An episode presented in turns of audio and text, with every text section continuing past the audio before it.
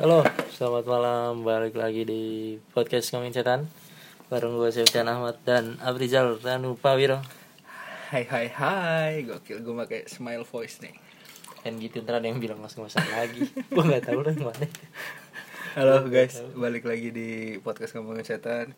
Podcast yang mungkin bakal panjang eh, durasinya, jadi kalian bisa sambil dengerin podcast ini sambil istirahat di rumah, baru nyampe pulang kerja atau nggak ada tontonan YouTube yang menarik, kalian bisa sambil dengerin ini, terus sambil ya main game, terus di jalan mungkin di jalan pulang Jalan. kantor, Biasa- jalan biasanya- berangkat kantor. Yang cemen-cemen dengerin pagi Iya pagi-pagi tuh berangkat kantor pulang kantor atau lagi kerja terus kalau nonton YouTube ketahuan nggak kerja sambil dengerin podcast juga asik. Betul Yang jelas jangan dengerin malam-malam gitu. Gak usah lah. Sendirian gitu. Gak usah lah. Hari ini kita akan ngebahas exorcism atau prosesi pengusiran makhluk gaib.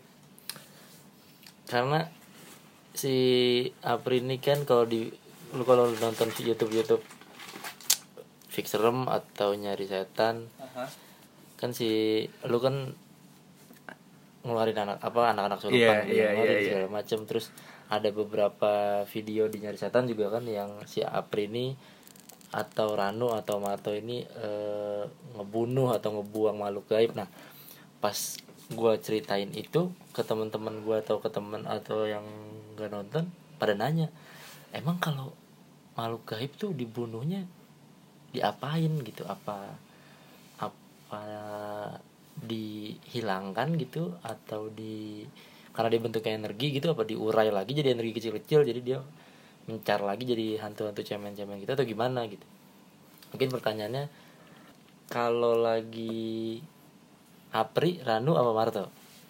Nah eh, sebelum ke sono kita bahas dulu mungkin teman-teman masih banyak yang awam soal apa itu kesurupan ya. Kalau versi Google kesurupan atau kerasukan adalah eh, fenomena di saat orang berada di luar kendali dan dari pikirannya sendiri dan badannya dan tidak respons- responsif terhadap rangsangan luar berbentuk eksternal ataupun internal dan mengikuti kendali makhluk atau hal yang berhasil merasuki atau masuk ke dalam tubuhnya. Terus kerasukan sendiri juga terkait dengan istilah zaman dulu yaitu keadaan kesadaran yang berubah. Ini ada studinya ternyata. Studi tentang kesadaran kerasa menurut etimologi. Kerasukan dalam arti modern itu kondisi yang bingung setengah sadar atau kehilangan akal. Atau eh, keadaan ketakutan. Dalam bahasa Prancis kuno tuh trans transe. Tra transia transia. Takut akan setan atau bahasa Latin transire menyeberang atau melewati definisi definisi ini sekarang sudah mulai usang gokil.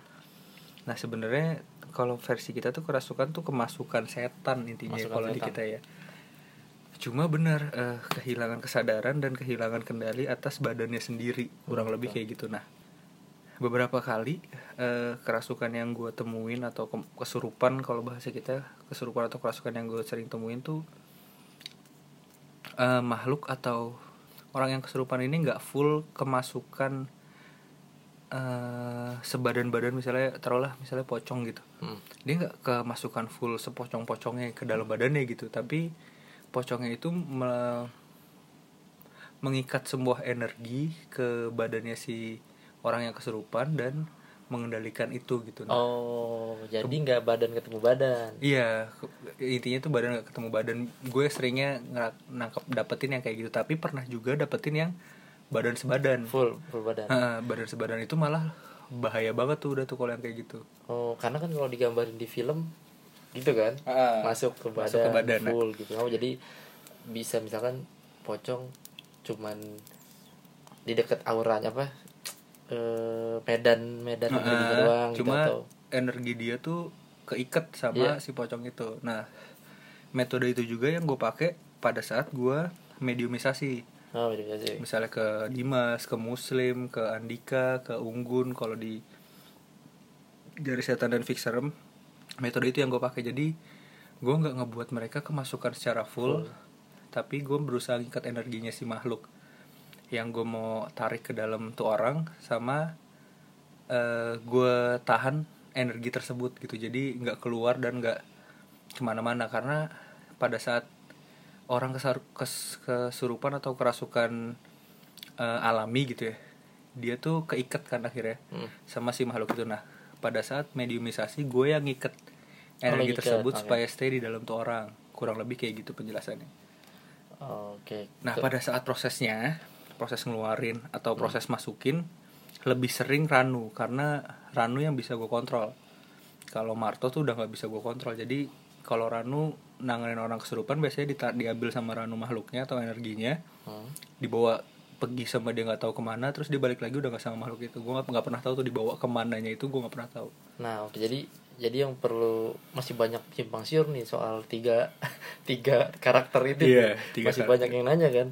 Eh, Apri, Ranu, Marto tuh gimana? Jadi kalau yang gue pernah yang lu pernah cerita waktu itu ya. Jadi Apri ini manusia, Heeh.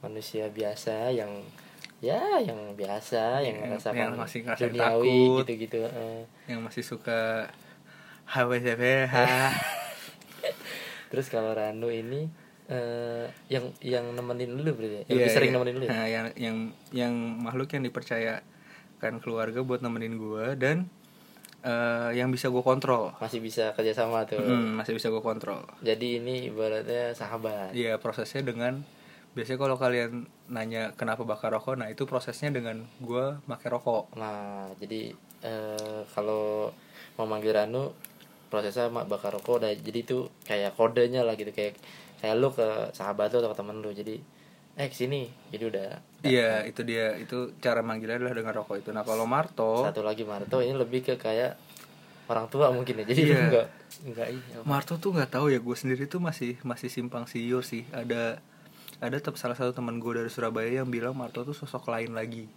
Sosok yang Bukan dari berbeda keluarga? lagi. Dari keluarga tetap cuma oh. ini sosok orang. Jadi gue dapat nama Marto ini eh dari le gue dia bilang orang yang pertama kali ngilmu ini namanya tuh Marto Winangun oke Nah orang inilah yang mungkin ada di gua dan kalau menurut versinya teman gue dari Surabaya ini namanya Mas Handi, Marto ini gak cuma punya satu peliharaan. Ranu tuh salah satu peliharaannya Marto sebenarnya. oh jadi biangnya Marto, Marto. biangnya Nah kalau menurut versi Mas Handi, Marto tuh nggak cuma punya Ranu doang. Ada beberapa makhluk lagi dia bisa nyebut sampai empat makhluk lagi gitu. Nah jadi berarti pada saat Marto masuk ke gua beserta empat makhluk lain lagi. iya di belakangnya ya backingin nah, atau itu dia. gimana lah. Eh mungkin karena guanya nggak mampu nge-handle makanya gue sering sejauh ini belum pernah berhasil sih gue ngendalin Marto sejauh ini ya. Blank aja ya? Blank aja udah. Tapi dia selalu datang di saat-saat genting ya? Ya itu dia. Brengseknya kenapa harus datang di saat genting doang gitu terakhir eh, ekspedisi sebelum eh, vi- jadi episode kemarin kita kan live ekspedisi tuh. Ya.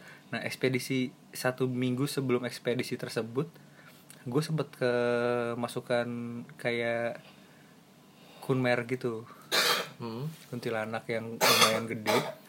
Dan Marto masuk sampai Marto tuh ngambil satu bongkah kayu gede mau mecahin kaca gitu deh. Waduh. Wah itu anak-anak lumayan lumayan histeris Panik ya? tuh.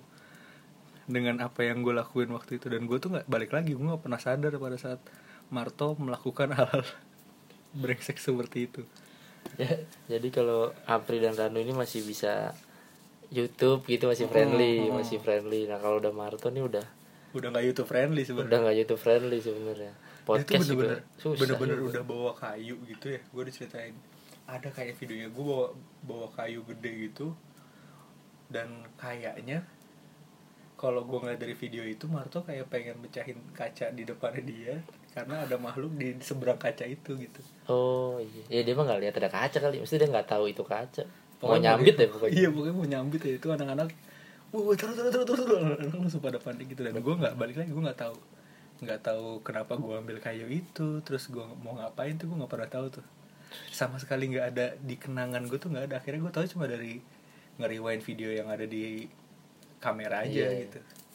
Gitu tuh. Jadi soal tiga karakter itu udah jelas nih nggak usah nanya-nanya lagi. Ada yang ada yang fan teori fan teori gitu kan? Ada. Iya ada fan dari fan Ranu lebih besar dari Marto apa gitu gitulah banyak yang kayak gitu. Begitulah. Eh udah kejawab tuh soal tiga karakter yang sekarang lagi nanti le- lebih lebih jelasnya kita bakal upload video tentang Q&A dan penjelasan tentang Rano dan Marto sih cuma memang itu belum update Hmm. karena gue belum ketemu sama Mas Handi Mas Handi ini Oh, mungkin ntar ngobrol banyak baru Mm-mm. ketemu lah jawaban pastinya karena dia aja nih yang yang megang nggak inget Marto maksudnya nggak tahu gue Iya. bener-bener nggak tahu nah Mas Handi nih ngelihat Marto tuh sosok petapa tua gitu rambutnya panjang dikuncir Hah? Rambut panjang dikuncir terus pakai baju hitam-hitam pakai kayak kupluk sorban hitam bawa senjata beberapa beberapa senjata gitu. Oh. Dia ngeliat ada tombak ada keris ada pisau kecil dan di setiap senjata itu katanya mewakili makhluk-makhluk. Oh iya nah tadi tuh salah satunya di keris itu. Tombaknya gue nggak tahu isinya siapa Iya. pisau kecilnya gue nggak tahu isinya siapa. Lebih kayak penggalang dia pramuka tuh banyak Iya, tuh makanya. di pinggang itu itu yang gue belum belum bisa solve. Mudah-mudahan nanti ambil dengan iya jalan dengan waktu. berjalannya waktu mungkin bakalan ket- ketemu lah jawabannya. Gue sendiri kalau teman-teman nanya tuh gue masih belum tahu jawabannya apa. Tuh gitu. Jadi ya lu ikutin aja perjalanannya Apri ini mencari mencari sosok-sosok tadi jadi kayak main Pokemon lu ya nyari Iya. nyari nyari gituan aja Tuh, jadi tadi kesurupan itu apa terus kemarin apa terjawab nih biasanya Apri kalau misalkan ada kesurupan apa yang eh siapa yang nanganin terus tadi kalau di Wikipedia tadi lu baca gue Mhm. gue dengar ada tidak responsif lagi kan badannya kan Hmm. dari internal ataupun jadi itu yang benar yang waktu di episode pertama kita ngomong pakai lada itu iya itu harusnya kalau orang kesurupan udah tidak Heeh, harusnya udah nggak respon udah nggak respon karena dia udah tidak rangsangan tuh udah nggak masuk mungkin lagi kan. teman-teman yang belum dengerin episode sebelumnya boleh dengerin dulu tapi gue mau coba sedikit rangkum Hmm. ini kata nyokap gue kalau eh kata le gue kalau ada teman lu kesurupan gitu coba taburin lada deket hidungnya atau masak atau goreng cabai yang pedes Mm-mm. itu responsifnya kita lihat dari sana gitu kalau dia bersin apa nah itu berarti menipu. Tapi lu pernah nggak ketemu orang kesurupan? Bohongan sering gue cuekin aja. Oh lu, kalau lu lu cekin gue cuekin aja caper berarti. Nah Ah. tapi eh, di beberapa video eh, ada momen di mana muslim kesurupan dan kaget terus eh, dimas kesurupan dan kaget. Nah itu gimana? Nah i- karena itu nggak kesurupan full pak ikatan energi Oh. doang yang tadi gue bilang cuma sedikit mungkin. Heeh, nggak nggak gue tahu batas gue tahu limitnya anak-anak ini nih Oh, iya, iya. jadi gue juga menjaga limitasi tersebut supaya mereka nggak nggak lost control malah nantinya malah bahaya buat mereka gitu Oh iya. Kalau misalkan eh ya lucu juga kalau ada yang apa kesurupan bohongan gitu dia teriak-teriak aja gitu ya. iya Pas lu lokit gitu nggak ada, lu lihat gitu nggak ada. nggak ada jadi ada ada ada beberapa kali Kejadian gitu ya. kejadian nggak sekali dua kali ya ini waktu itu di acara eh, stand up spesialnya Rule of Three Hmm. eh, David Abdur Zawin ada yang kesurupan beneran satu nih Pas lagi Eh, Siap. selesai acara oh selesai acara. kita bawa ke ruang talent Nah, diamankan gitu. ya. terus tiba-tiba ada dua orang lagi kesurupan di luar Terus pas gue lihat caper-caper cuekin aja bener lama-lama sadar sendiri. Karena pengen dibawa ke ruang talent aja. Itu itu salah satu contoh sih. Ada juga yang pas di acaranya ada juga pas di acara eh, waktu itu gue sama Dimas pernah ikutan eh Take Me Out. Hmm. itu ada yang kesurupan beneran juga ada terus ada yang bohongan terus gue bilang mas cuekin aja tuh bohongan gue bilang gitu Tuh, jadi kalau misalkan ada kesurupan kayaknya eh paling bijak di diliatin dulu kali ya. di- jangan ditinggal juga Iya. takutnya ntar dia nekat kan bahaya Nah, juga halu aja udah kalau yang kayak gitu mah Iya. emang emang suka caper aja gitu tadi kesurupan bohongan terus eh soal eksorsisme pembersihan paling parah lu pernah ngebersihin dari orang dulu ya dari suatu dari manusia. Paling parah sampai mana? Maksudnya gimana apalah. Sejauh ini makhluk yang gue masukin dan gue keluarin paling sulit itu ada di videonya bang Radit. Yang mana? Jadi video terakhir eh, videonya bang Radit yang ada gue sama Muslim sama Coki. Off recordnya gue bilang sama Muslim Slim ini belum pernah gue belum pernah masukin makhluk sekuat ini ke badan lo gue bilang Ah. gitu kan kita paksain buat masukin itu ke Muslim. Akhirnya pada saat ngeluarinnya itu susah banget nyangkut di sini gitu loh. Buat gue cabutnya susah banget. Apaan tuh Soalnya? makhluk hitam gitu pak. Matanya agak menyala terus ada Eh, taring yang di sebelah yang di Radit ya ah, yang di lantai atasnya Radit. Waduh. Itu. Tapi itu kan lu yang lu masukin. Mm-mm. kalau orang udah kejadian nih lu lu dateng gitu. Pernah nggak? Jarang sih ya.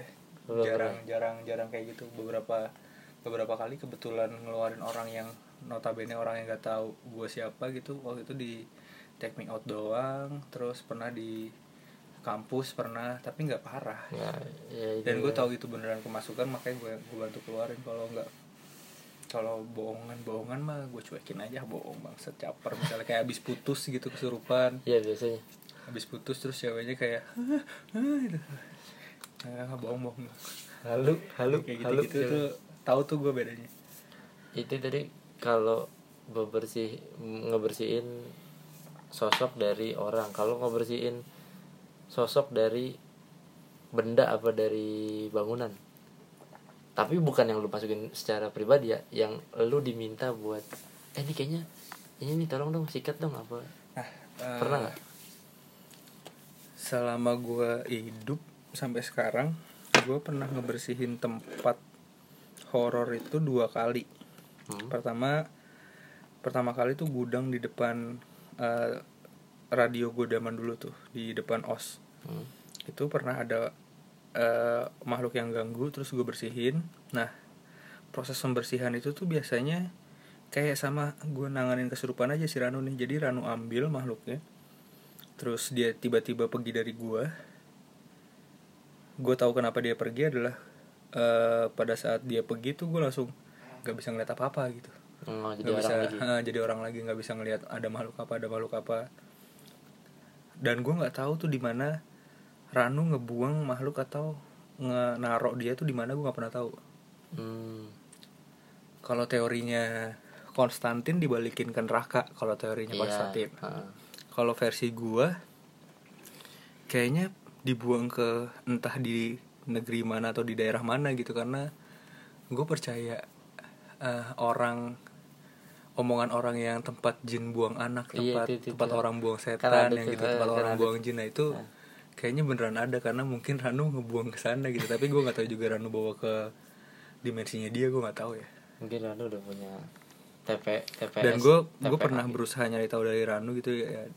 Dibuang ke mana cuma dia tuh kayak cuma ngasih tahu kayak udah pokoknya udah gue buang gitu udah dia Oh, nggak oke. nggak ngasih tahu itu ke mana di mana. Jadi dibuang lah ya? Gue gue gue tuh cuma tahu dapat bahwa udah ini udah dibuang dan lu udah nggak usah khawatir soal itu gitu. Akankah balik lagi? Ranu nggak menjanjikan gak akan balik lagi sih. Ya kalau makhluk kebal- makhluk kebalik lagi Ranu balik lagi juga mungkin. Iya Ranunya tahu atau Ranunya bakal bantu usir lagi gitu aja. Gitu kalau misal itu tadi Ranu. Jadi versinya Ranu adalah makhluk itu diambil entah dibawa ke mana apa apa dibawa terus dimatiin di jalan iya bisa jadi. Nggak tahu ya, juga. gue nggak tahu detailnya sampai sana. Heeh.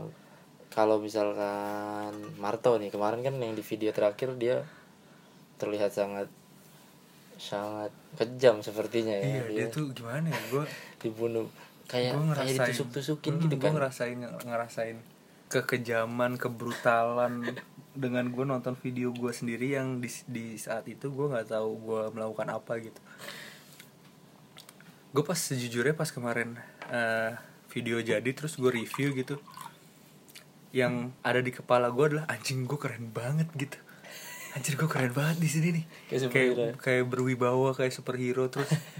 Tapi di di satu sisi tuh gue ngerasa kayak anjing nih orang jahat banget gitu.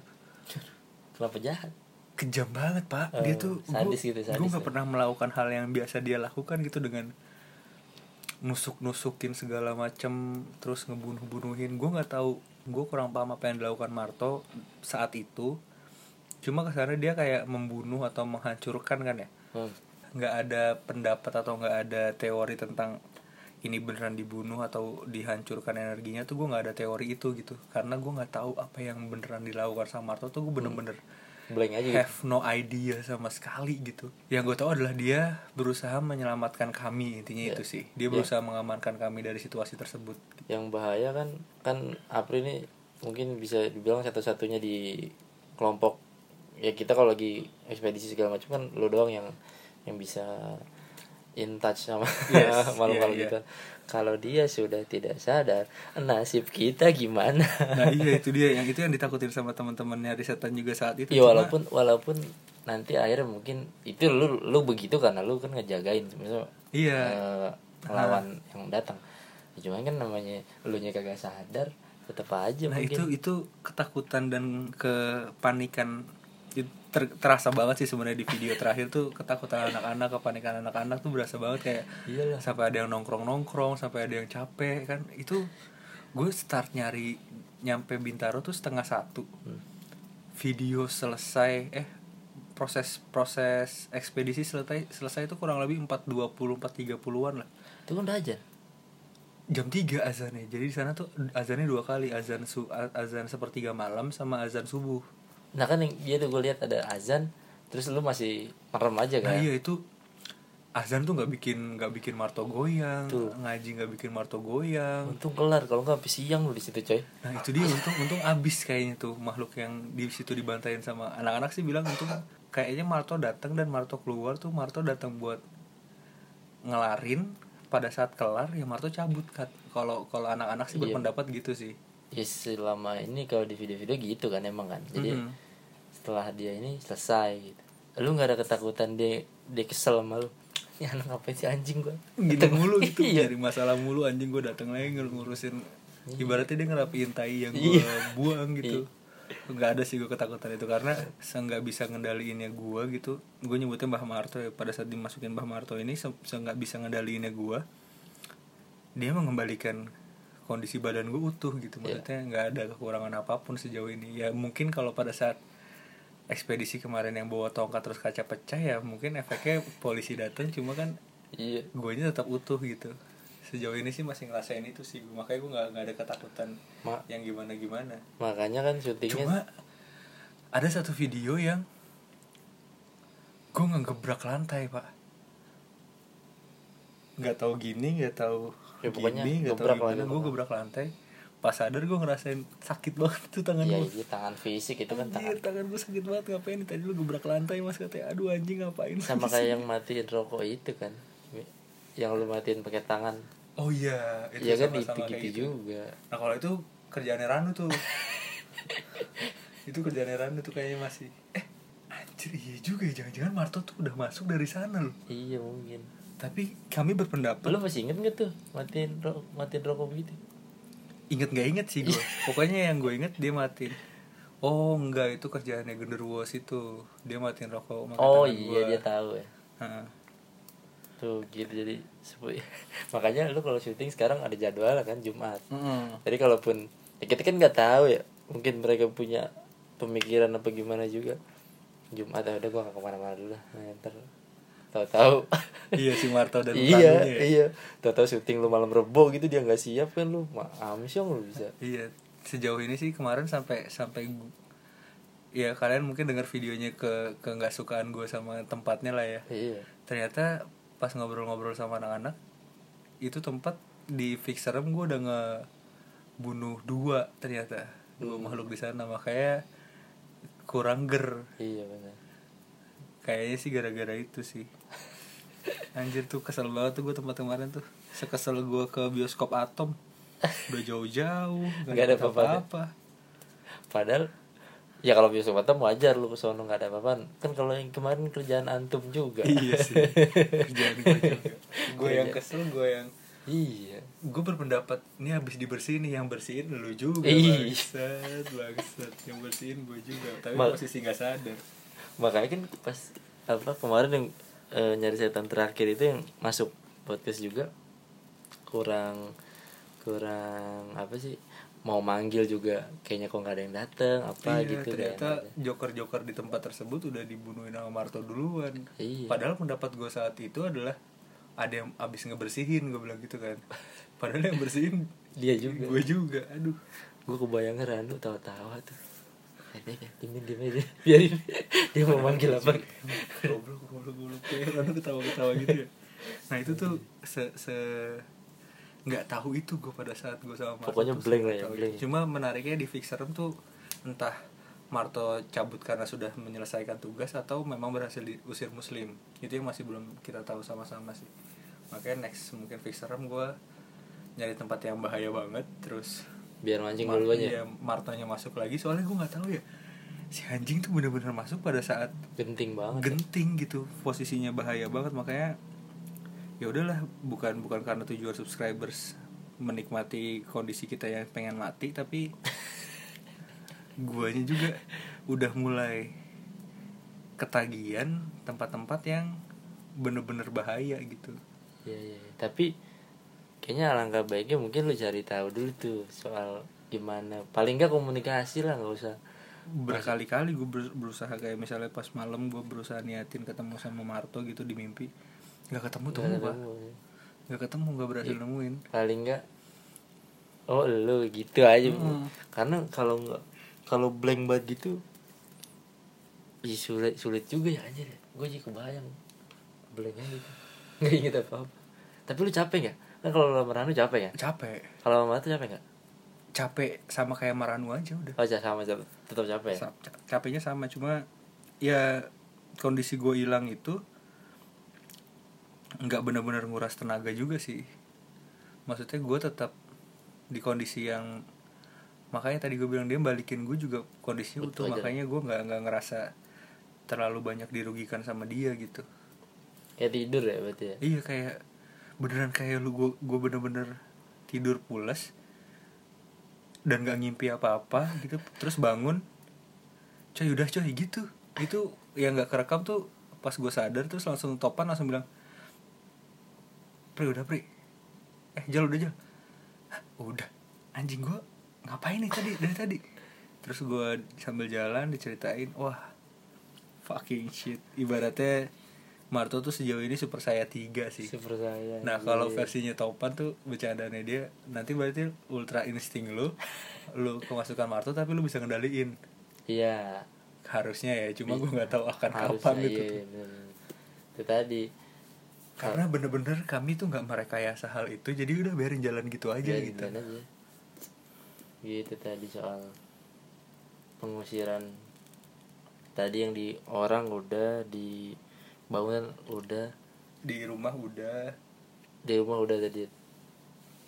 Soal pengusiran pengusiran gitu yang paling mungkin kita bahas metode kali ya. Met- metode metode. metode, metode. Pengusiran kan ada orang pinter sama ayat-ayat kan. Eh, Hmm. rukiah apa segala macam. Nah di kepercayaan gua nih eh, versi gua adalah versi yang eh, menggunakan makhluk yang sama untuk bertempur dengan makhluk yang sama juga gitu maksudnya pertarungan antar Digimon gitu misalnya Iya, iya. nah nggak mungkin orang lawan Digimon gitu kan nah warga ketemu warga Iya, gitu kan. warga ketemu warga. Nah, si Ranu ngelawan si makhluk yang sama. Itu metode Oke. gua. Tanpa tanpa ayat-ayat, tanpa apa pun gitu. Dan beberapa orang pintar juga melakukan metode yang sama Hmm. kan. Nah, ada metode lain yaitu doa-doa atau rukiah. Iya. Nah, Ada rukiah itu ya Iya, ada amalan-amalan khusus. Nah, kalau kayak rukiah tuh valid juga gitu. hmm. Jadi eh, kepercayaan di Islam kan mereka mereka akan sakit atau nggak nyaman atau panas iya atau apa segala macam badannya eh, sama ayat-ayat suci kan. Nah, metode tersebut biasa dipakai sama eh, orang-orang yang rukiah. Ada beberapa beberapa orang-orang yang orang yang bisa ngerukiah itu diminta eh, pasiennya itu berendam. Berendam di air. biar anjir Nah, itu di Konstantin juga Konstantin lagi sih di Konstantin terus di beberapa beberapa eh, agama juga mempercayai bahwa air adalah eh, barang yang universal gitu zat Oke, yang universal tuh. untuk menyambungkan antar dimensi Hmm. si Konstantin juga melakukan hal itu terus kayak ada holy water apa Iya. segala macam gitu kan beberapa pendeta agama lain pun juga melakukan hal yang sama nah kayaknya metode tersebut juga dipakai di Islam buat biar langsung keluar gitu pergi ke dimensinya dia lewat si perantara air itu Oh, gitu dan kayak ya. hmm, kan banyak banyak orang yang pakai air doa buat nyembuhin apa nyembuhin Hmm. apa nah itu dipercaya sebagai metode media untuk mengusir atau menjadi perantara tambahan lah kurang lebih. Jadi ada yang pakai makhluk ada juga yang pakai doa doa bantuan eh, benda ya eh, kebanyakan air. Tapi ada benda lain yang bisa dipakai? Oh kalau vampir ini kali ya? Apa tuh? Iya kertasnya. Kertas. Kertasnya. Terus kalau kayak nggak tahu ya gue gue nggak terlalu mendalami metode di luar yang gue pakai. Tapi gue pernah lihat dan pernah baca juga di film dan gue pernah baca juga. Ada beberapa met- alat buat ngusir makhluk. Kayak misalnya dulu eh mereka menggunakan kayu eh, tombak dari bahan kayu apa gitu buat melawan vampir.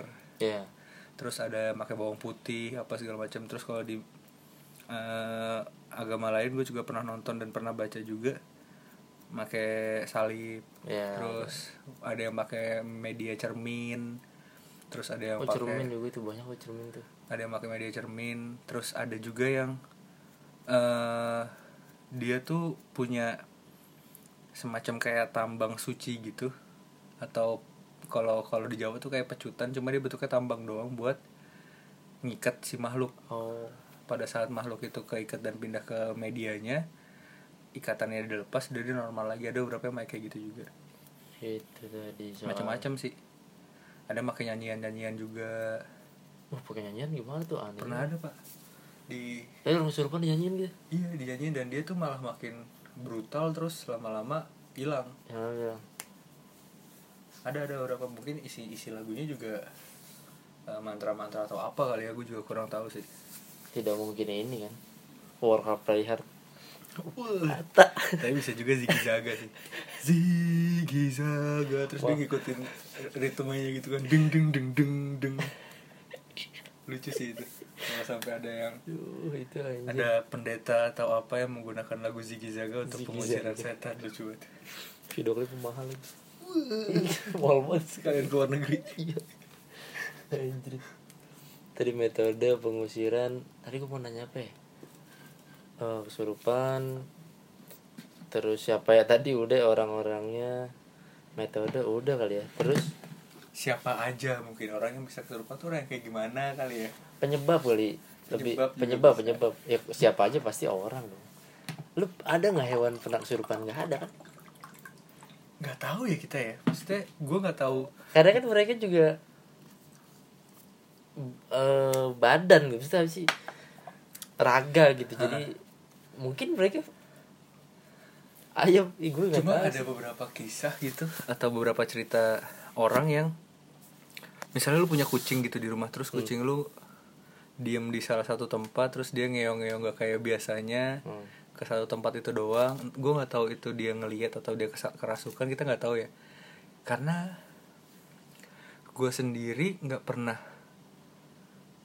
hmm, apa ya nggak pernah secara detail tahu ada makhluk selain manusia yang kesurupan tuh gue nggak tahu gitu ya bisa aja pohon kesurupan juga bisa dong berarti kan Iya. dia juga punya raga kan untuk di- juga. digantikan gitu nah nggak tahu kan- sih detailnya gimana karena cuma kan banyak kejadian kayak monyet ngomong terus singa kucing tiba-tiba eh, nyamperin apa Heeh. gitu kan Mu- mungkin kucingnya kucing beneran Ada- diarahkan atau Aha, gimana bisa jadi nah itu kalau kalau kalau itu secara detail gue nggak tahu jawabannya. Cuma tadi kan pertanyaan lu juga ada yang kenapa bisa kan? Iya, kenapa orang kenapa bisa. bisa kesurupan? Ya normalnya itu tadi sih energi yang per, ke perbedaan energi yang cukup tinggi antara orang dan si makhluk yang ada di sana gitu. Jadi misalnya nih eh, di sebuah rumah lah. rumah baru gitu. Ah. terus ada orang yang nempatin terus kesurupan gitu nah berarti ada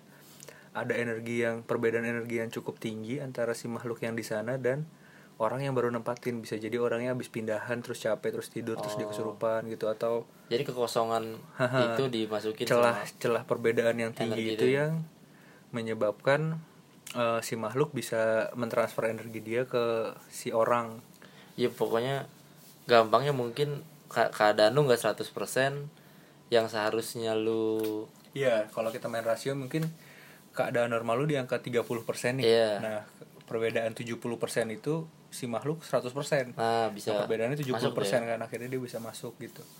Yang kayak gitu, gitu perbedaan-perbedaan signifikan itu. Dan itu juga berpengaruh pada saat gue pernah bahas di episode sebelumnya tentang kenapa lu bisa ngelihat setan atau iya tuh penampakan apa segala macam itu tuh. Perbedaan energi itu juga yang berpengaruh. Gitu soal. Apakah semua orang bisa?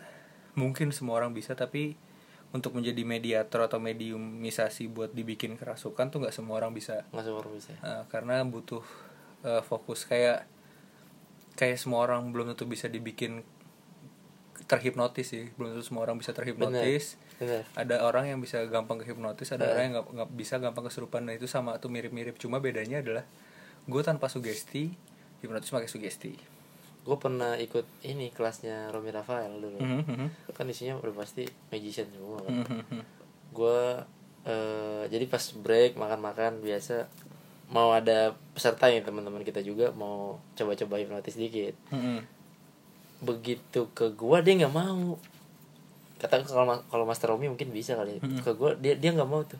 Ah jangan nih dia orangnya kayak nggak percayaan. Gitu kata dia. Akhirnya ke orang lain. Seru juga jadi main-mainan gitu Nah itu tuh gitu, sama jadi- tuh mirip-mirip tuh kayak gitu tuh. kayak Coki tuh Coki kan brengsek tuh Coki pernah Kalau di Fixer. pernah hampir bisa, cuma dari dari dianya tuh menolak. Itu dia tadi ada ada penolakan dari dari diri lo yang akhirnya bikin lo nggak bisa kesurupan itu juga ada. makanya katanya kalau kalau kata Master Romi buat mencegah hipnotis lu cuman setiap keluar rumah bangun pagi gitu lu cuman bilang gini aja ke dalam diri lu saya nggak bisa dihipnotis udah tuh lu seharian bakal lu bakal bakal resisten gitu. Lu bakal bakal nggak kemakan lah sama sugesti-sugesti kayak gitu. Katanya cuman ngomong kayak gitu kan ke dalam diri lu, lu ngomong saya nggak bisa dihipnotis udah gitu aja kata dia sih. Karena waktu itu kan sempat banyak tuh pas mudik biasanya nih rame nih. Banyak apa hipnotis di bis Kendaraan, di bis, apa segala macam. itu tadi. Fokus sih, fokus fokus lo terhadap sesuatu yang di di distract sama hipnos hipnosisien Hypnosis. hipnosisien nih. Itu yang di distract. Tingkat Oke. fokus lo. gitu ini udah menit oh, udah setengah jam lebih ini karena mungkin itu tadi soal pengusiran oh enggak enggak sorry ada ini namanya istilah iga jarang lo pernah? Oh, iga jarang. iga jarang iga jarang tuh atau ulu hatinya kosong Iya. gitu gitu nah itu gimana tuh itu eh, pendekatan pendekatan spiritualnya adalah ada kalau kalau percaya nggak percayanya ya kalau menurut versi gua tuh orang yang iga jarang iga jarang katanya gampang kerasukan gitu Mm, kan. katanya katanya gitu. Nah sebenarnya balik lagi ke fokus tadi sih nggak juga gitu. Tapi mungkin beberapa orang percaya iga jarang bisa kesurupan karena ada kekosongan mungkin kekosongan celah di Iya, badannya dia yang bisa dimasukin. Sebenarnya bukan iga jarang sih titik fokusnya aja sih gue gue percayanya ulu hatinya kosong apa segala macam ulu hatinya kosong ya serem juga nggak ada ulu hati lu. Badan lu.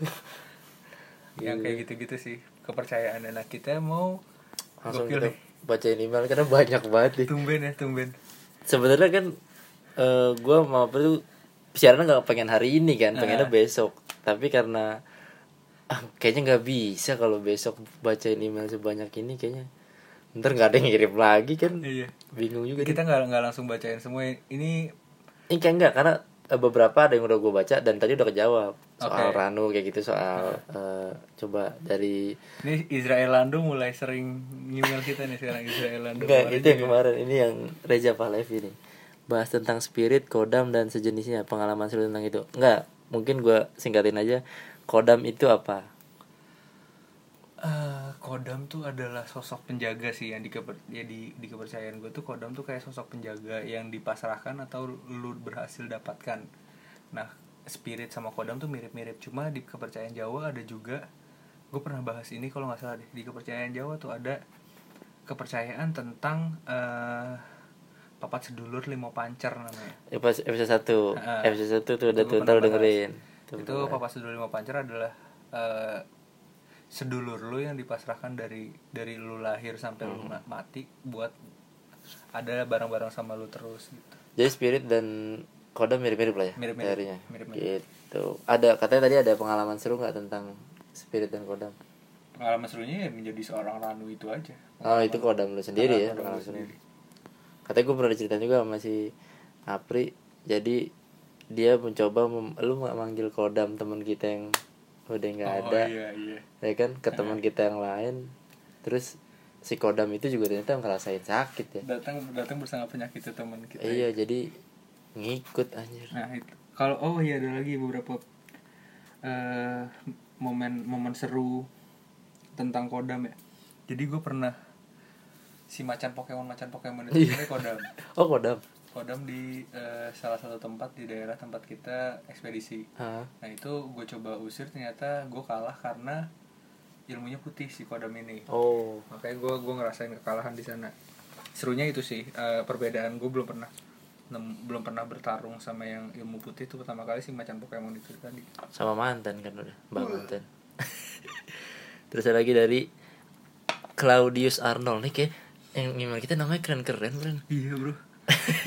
tadi tadi si Raja Palevi udah ya tentang eh, spirit dan ini sekarang Claudius Arnold tentang teror pocong. Wah jadi gue udah gue udah baca sebagian sih. Si Arnold cerita waktu kecil dulu waktu gue masih kecil kakak gue gambar pocong di pintu belakang rumah. Jadi dia gambar Mm-mm. lengkap gambar darahnya segala macam detail lah pokoknya. Nggak tahu kakak gue segoblok itu buat gambar pocong ukuran besar gitu. Jadi mungkin skalatis kali ya gambar orang gitu. Setelah gambar itu selesai Apa banyak bahasa lo? Skalatis jadi Oh bers- skalanya sama satu ska- banding satu. satu banding satu skala Skalatis. skalatis terus eh dia mulai tuh habis itu selesai banyak kejadian aneh katanya dia tidur sama kakaknya setiap dia mau tidur itu ada yang ngetok-ngetok pintu ada yang gedor-gedor tempat, tempat dia ngegambar itu kali. pintu kamar tapi Oh pintu kamar. bukan pintu belakangnya terus eh dan di pucuk tadi eh, gua gedor kayak lu kebelet pucuk. oh jadi di gedor-gedor tuh kayak lu kebel- lagi bokeh terus ada yang mau masuk gitu. Mhm. itu beneran gedor-gedor nggak nyantai sampai gagang pintu gue copot. Anjing sampai copot cuy banget. gagang pintunya. Di mana itu dia? sampai akhirnya orang tua gue setiap siang dan malam eh apa akhirnya orang tua gue tahu oh jadi orang tuanya nggak tahu nih. Jadi lu lama dong nih Iya, ngerasain ini anjir.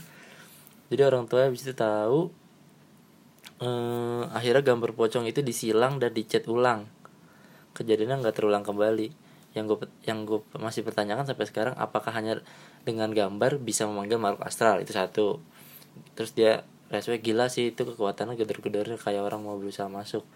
Makasih bang pengalaman pertama gue dan paling ekstrim yang pernah gue rasain. Jadi pertanyaan dia mungkin kita bahas dulu Em, itu gambarnya pakai apa dia? Mhm.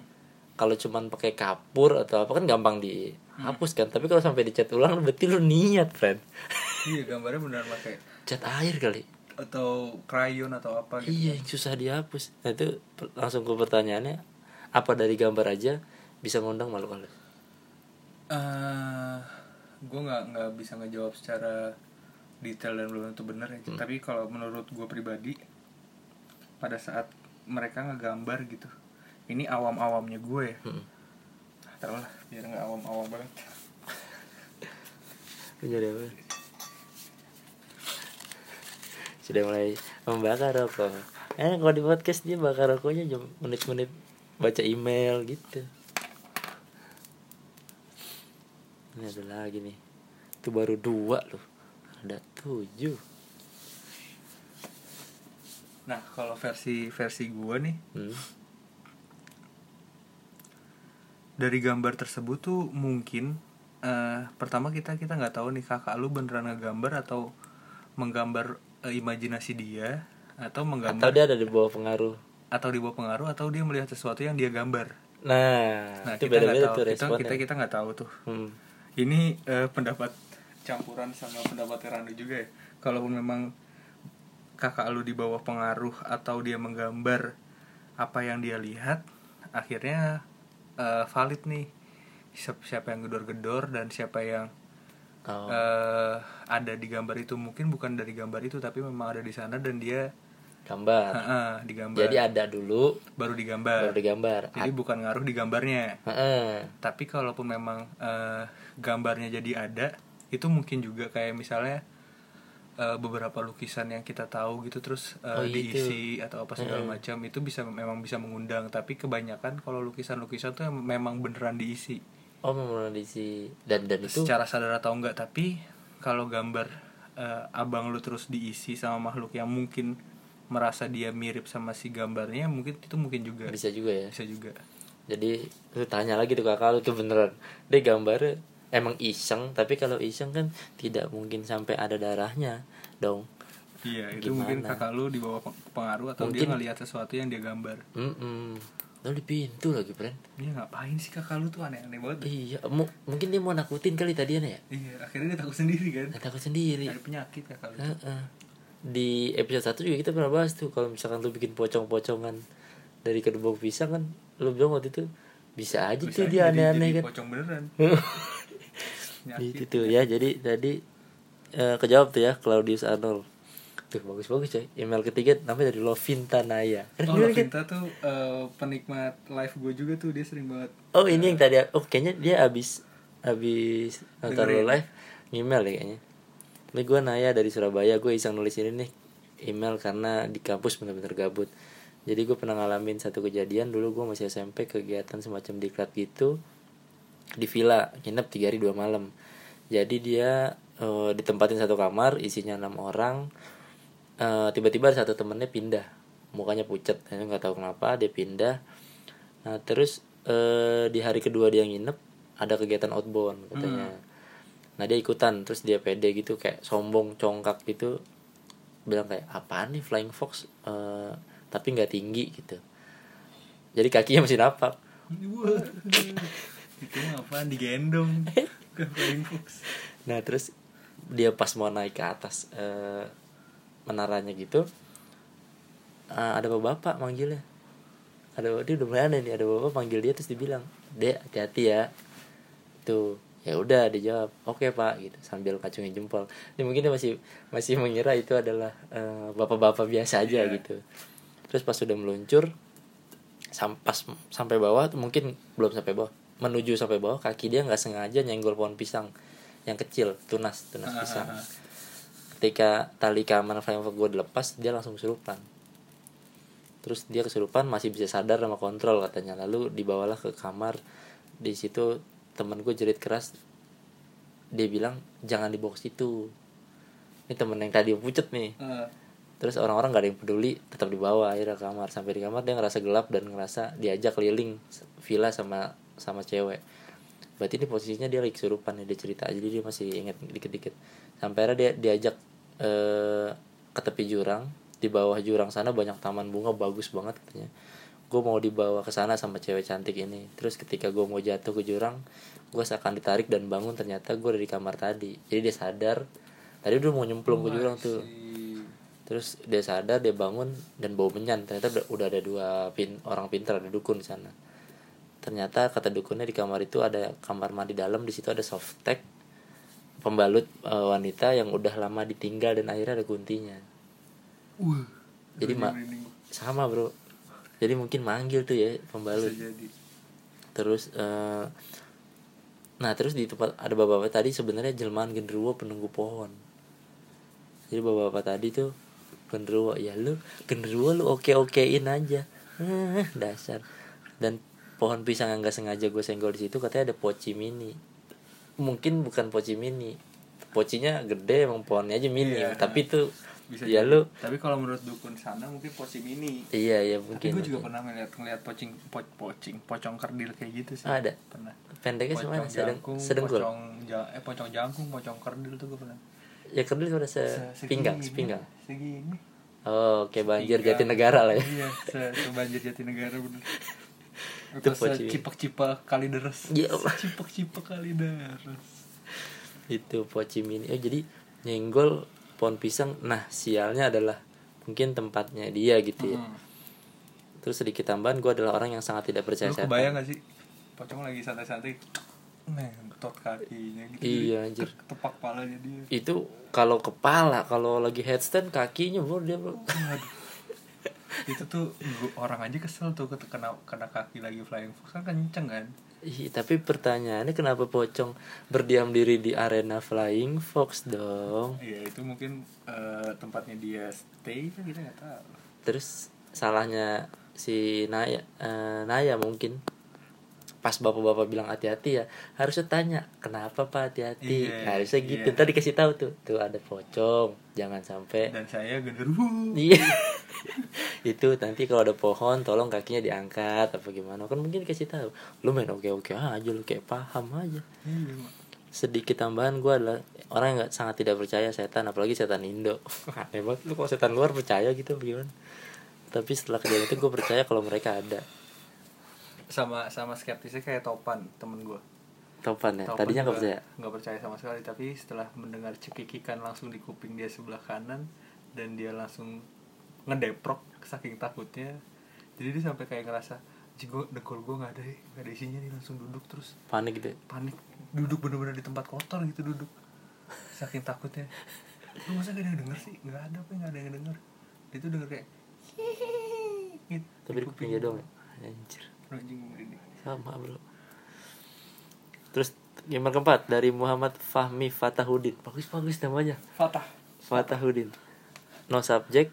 Dia mau tanya ke Bang Apri jelasin lengkap dong tentang Ranu sama Marto mereka dua hal yang berbeda. Nah tadi udah jawab ya. Fahmi udah. Terus wah ini panjang nih. Eh, panjang banget nih si Sap- Saputra Saputra coba kita bacain aja Ya, bisa. ini halo Septian dan Ranu.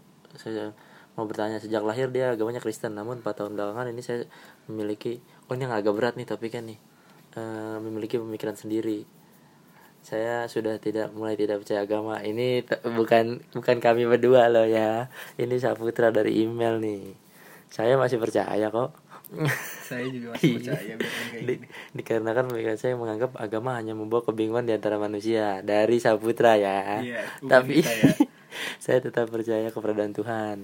Saya percaya Tuhan sosok lu menciptakan kita sering semua. nonton coki lu kayak lu Kayaknya nih sebagai sosok yang universal.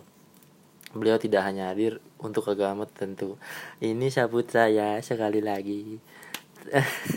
Sekarang ini pedoman hidup saya adalah kelakuan baik terhadap diri sendiri maupun orang lain, akal sehat dan kekuatan alam. Namun kekuatan alam kan hmm, sama. juga, konsepnya Tuhan juga. sama. iya dia dia percaya adanya Tuhan cuma nggak percaya enggak kan? aja. Enggak enggak. Alam itu alam itu akhirnya membentuk sebuah komunitas atau ekosistem yang akhirnya mereka diharuskan untuk mem- berlaku ses- baik atau buruk atau dianjurkan melakukan sesuatu untuk menghormati Alamnya. wilayah situ kan? Apa bedanya sama agama? Kan gitu juga. Iya. Jadi belajar lagi dah terus eh waduh deh. Oh, namun saya bingung cara meningkatkan iman saya ini. Ya bingung. Friend lu orang percaya. Sekaligus saya ingin mengetahui tanggapan Ranu tentang pedoman saya ini. Apakah saya saya salah tentang iman saya? Bolehkah dibahas untuk podcast selanjutnya dari memang saya tahu materi agama ini sangat sensitif dan tapi saya yakin di antara kita banyak yang eh, sama ditunggu podcast selanjutnya. Oke eh Saputra. Nah, kita mungkin nggak bahas di podcast sekarang ya. Enggak cuma eh, enggak ini karena dia keluar dari topik setan tapi ki- kita bahas seawam-awamnya kita aja ya. Gua gua Lu dulu yang mau jawab. eh, versi gue ya. Em, enggak pertanyaan langsung jawabin aja takutnya kita Rawa belum nih pak. Susah kan FPI banyak. Bolehkah dibahas eh, jadi tanggapan, Tanggapan. tentang pedoman dia kalau kalau gue dari lu nanggepin Eh, sih. gue gak berusaha menilai orang lain dari agama dari dari pertama pertama tuh. Gue nggak gue nggak berusaha menilai orang dari agama kepercayaan dia apa segala macam buat gue udah nafsi nafsi aja ya gitu urusan lu. sendiri sendiri urusan lu agak urusan lu sama kepercayaan lu urusan gue sama kepercayaan gue gitu.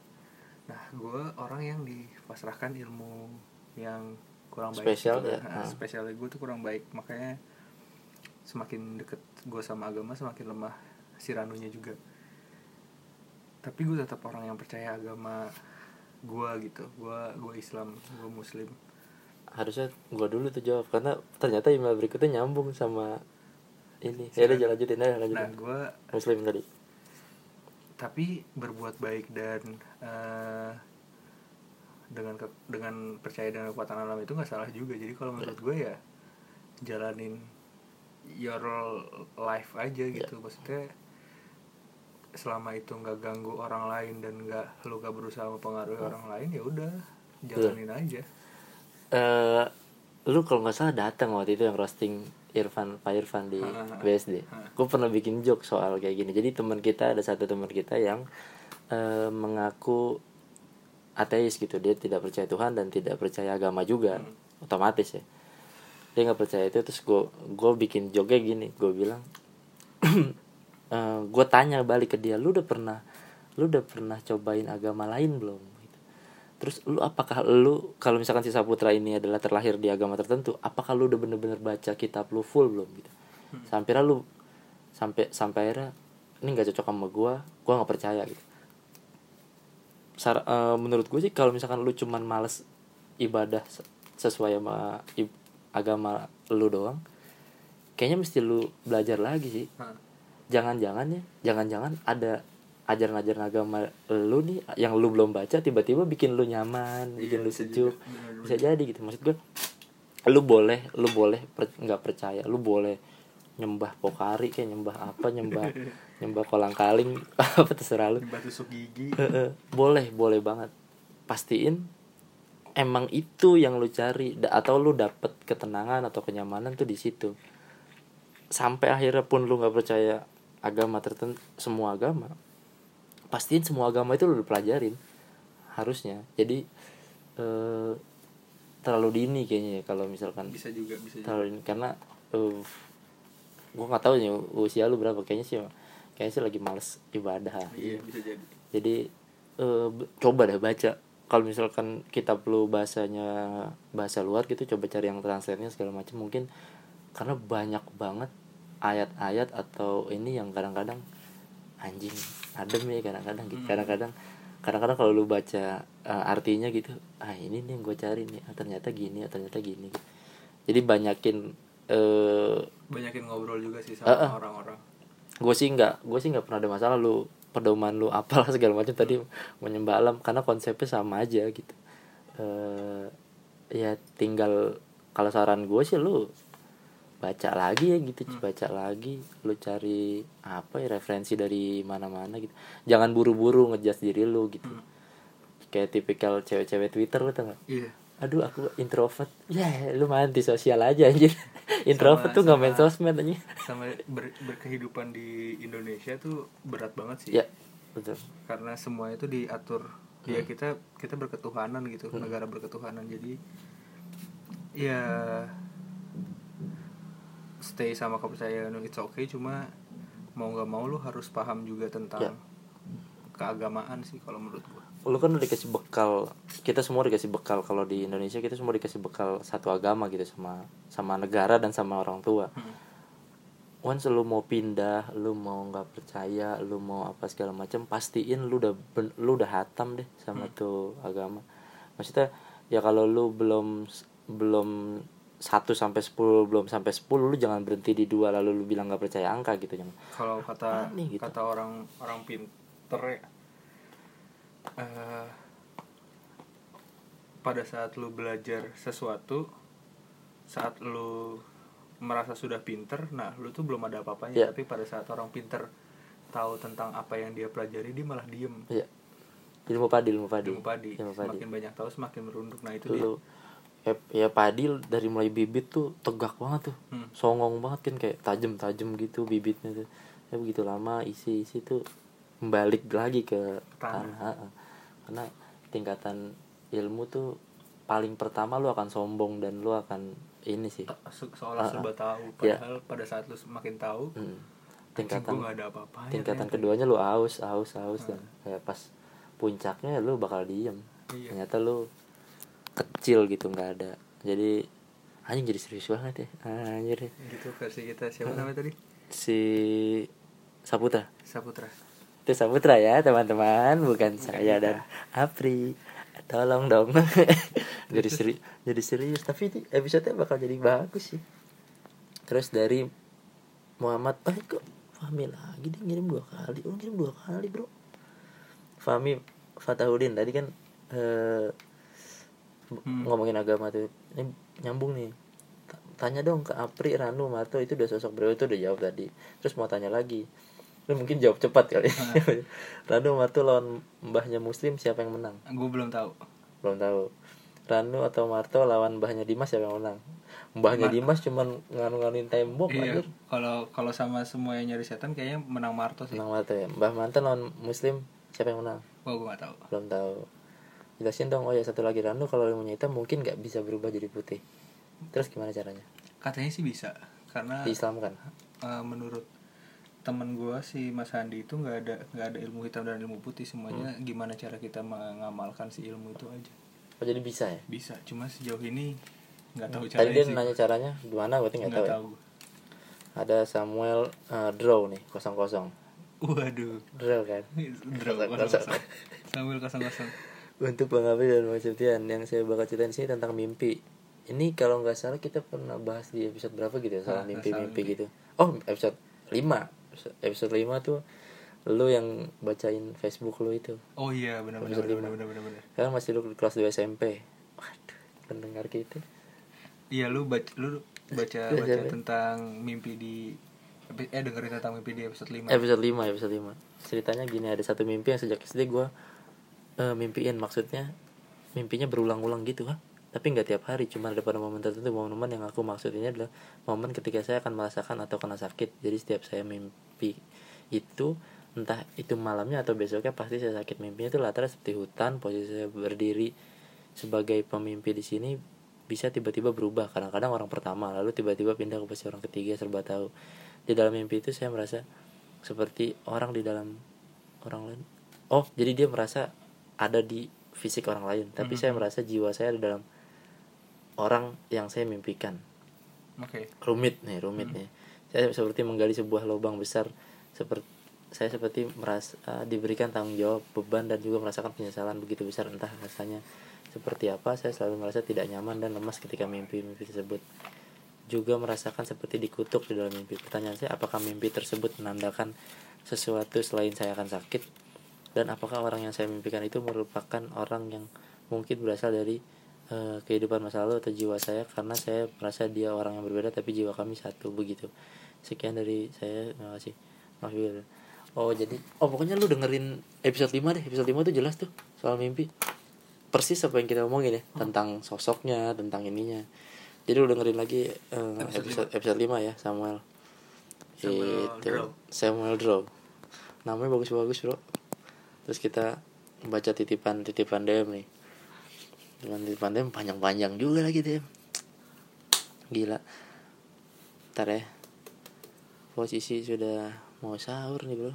Jam berapa sih bro? Setengah tiga. Nih dari anugerah Kis Chris Aan nih teman SMP gue nih. Mau cerita masa di kos saya hantunya baik bang? Dia sering nyapu jam 2 pagi bang. Dilihat suaranya malah pindah. Oh pas dia lihat suaranya pindah. Itu kira-kira hantu apa ya? Kok baik banget gitu. Gimana gimana jadi dia di kosannya dia tuh setiap jam 12 malam ada suara nyapu. Oke. Begitu dia ngeliat pindah suaranya ke samping gitu. Nah nah dia nanyain itu itu apa? gitu. Kok dia nyapu? Itu gue gue juga bingung. Nah kan kadang-kadang suka ada ini suka ada kayak rutinitas rutinitas yang dilakuin sama sosok gitu kan ya. Mhm. kayak ada suka ada nyinden Mhm. suka ada yang tadi mungkin nyapu terus. Oh di sini mah eh setiap malam ini ininya gerak apa gimana gitu. Nah itu gimana tuh coy? Itu penjelasannya gimana? Apakah apakah sosok itu memang di situ dan dan melakukan itu secara berkala apa gimana? Gue nggak tahu detail sosoknya gimana ya cuma eh, itu tadi pertama kita sama-sama pahamin dulu nih kita ambil ambil kesimpulan bahwa lu nggak sedang eh, halu atau gimana gitu. Hmm. anggaplah lu udah beneran dengar gitu dengar dengar suara tersebut. Bisa jadi eh, suara tersebut berasal ber- benar berasal dari makhluk makhluk eh, halus atau makhluk astral gitu ya. Misalnya beneran dari makhluk astral kenapa dia pindah? Nah berarti sebenarnya bukan berpindah tapi dia tuh ngikutin ngikutin arah telinga lu aja gitu oh jadi banyak banyak eh, kejadian yang eh, suaranya itu nempel memang di area kuping kanan lu doang gitu jadi lu nggak nggak bisa nemuin asal suaranya Iya, beneran dari benar-benar. mana gitu jadi Ah. coba dia bener-bener kayak berbisik di kuping lu doang salah jadi satu dia- sudut pendengaran dong ya? Mm-mm. jadi dia tuh lu nggak bisa menemukan sumbernya karena sumbernya itu deket banget sama lu gitu jadi pada saat lu menuju ke sana "Loh, kok suaranya pindah? Sebenarnya bukan pindah karena memang ngikutin ya? suaranya deket sama lu aja gitu di sini sini doang nih pada saat lu nyamperin su- sumbernya oh suaranya kok nggak ada? Ternyata dari Iya. sebelah sana karena memang dia mengikuti pendengaran lu aja gitu. Bukan berpindah sebenarnya mungkin. Kalau soal sosoknya? Sosoknya gue nggak tahu sih. Tapi eh kalau misalkan yang pasti lu pernah denger lah kayak misalkan di keraton atau di mana setiap malam jumat nih suka ada suara nyinden gitu. Jadi ada kegiatan rutin yang dilakukan oleh makhluk astral di sebuah tempat gitu. Lu Itu- pernah itu- ada pengalaman nggak? yang sering nemuin sih suara nangis sih gue di? Di beberapa tempat ya. Rutin tapi? Setiap gua ke sana tuh ada suara itu gitu. Oh. Itu itu bentuk kesedihan atau bentuk apa. Nah kalau nyapu mungkin ya memang dia gua nggak tahu ini fix beneran nyapu atau enggak ya bisa mungkin jadi bukan nyapu kali. cakar atau dia Iya. ngapain itu kita nggak tahu nggak tahu Ah, detailnya. Cuma mungkin suaranya kayak suara nyapu cuma kita nggak tahu dia nyapu beneran apa. Atau dia cuman bolak balik Iya, kainnya nyeret nyeret kainnya, gitu. Uh, fuck, kain gitu kan. Ah, anjing itu. Itu serem lagi. Uh untung bulan puasa. Terus nih itu ya tadi ya dari anugerah anugerah Kris. Tuan udah kejawaban terus dari Fahres Isnain tuh bagus bagus bro. Fahrezi. Apa sih ini baca gimana sih? Fahrezi Isnain keren keren dong namanya. Halo om mau cerita sekalian tanya dong untuk podcast selanjutnya. Bokap gue punya pusaka atau keris turunan dari kakek nih. Bokap dapat pesan dari kakek gue bahwa harus dit- diturunin ke anak-anaknya dan gak boleh dititipkan atau dikasih ke orang lain. Dulu pernah dititipin ke orang dan pernah berubah jadi harimau dan nakutin orang sekitar buset. Berarti ngeri banget maksud munculin diri gitu anjir bisa jadi Selama ini bokap belum pernah berinteraksi cuman ngeliat wujudnya aja dengan cara keris dijadiin bantal Hmm, pertanyaan gue mimpi lagi berarti kan Iya, pertanyaan gue adalah apa mungkin cara itu bisa dilakukan untuk melihat wujud yang ada dalam pusaka tersebut.